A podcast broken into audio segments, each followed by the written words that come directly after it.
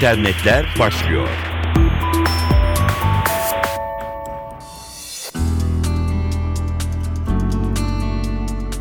Dijital dünyanın gelişmelerini aktaracağız. Merhaba.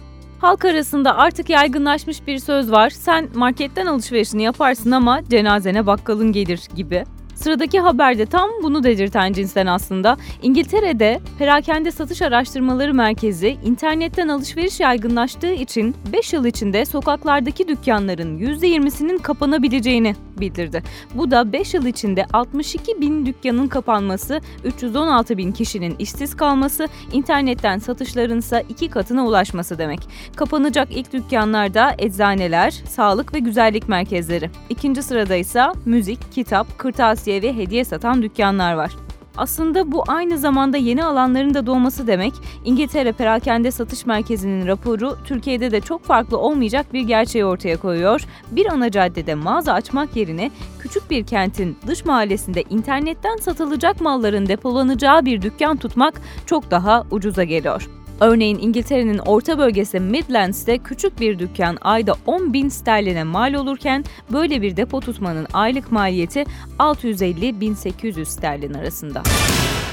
Snapchat bir iPhone uygulaması. Anlık mesajlar iletmenizi sağlıyor. Bu yazılı bir mesaj da olabilir, bir fotoğrafta. İletiniz karşı tarafa ulaştığında en fazla 10 saniye için görüntülenebiliyor. Ne sizin ne de karşı tarafın iletileri telefona kaydedilemiyor. Bu da Snapchat'te nispeten internete düşmesi istenmeyen içeriklerin paylaşılmasına yarıyor. Örneğin sakıncalı bir mesaj gibi ya da çıplak bir fotoğraf gibi.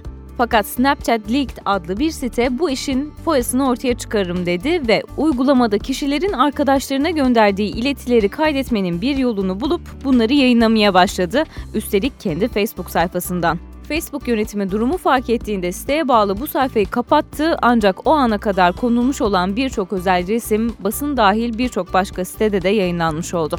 İnternet aracılığıyla özel ya da genel bir mecrada hiç fark etmez paylaştığınız bir içeriğin kesinlikle iki kişi arasında kalmadığını uzmanlar her fırsatta belirtiyor, hatırlatmakta fayda var.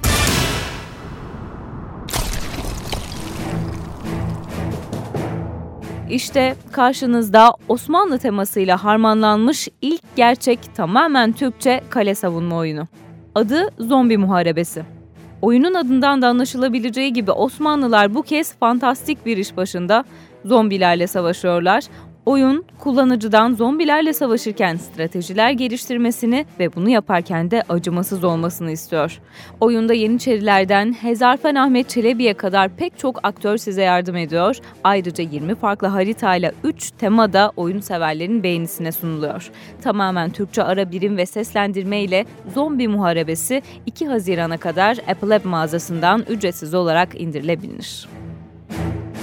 Gelişmeleri aktardık. Hoşçakalın.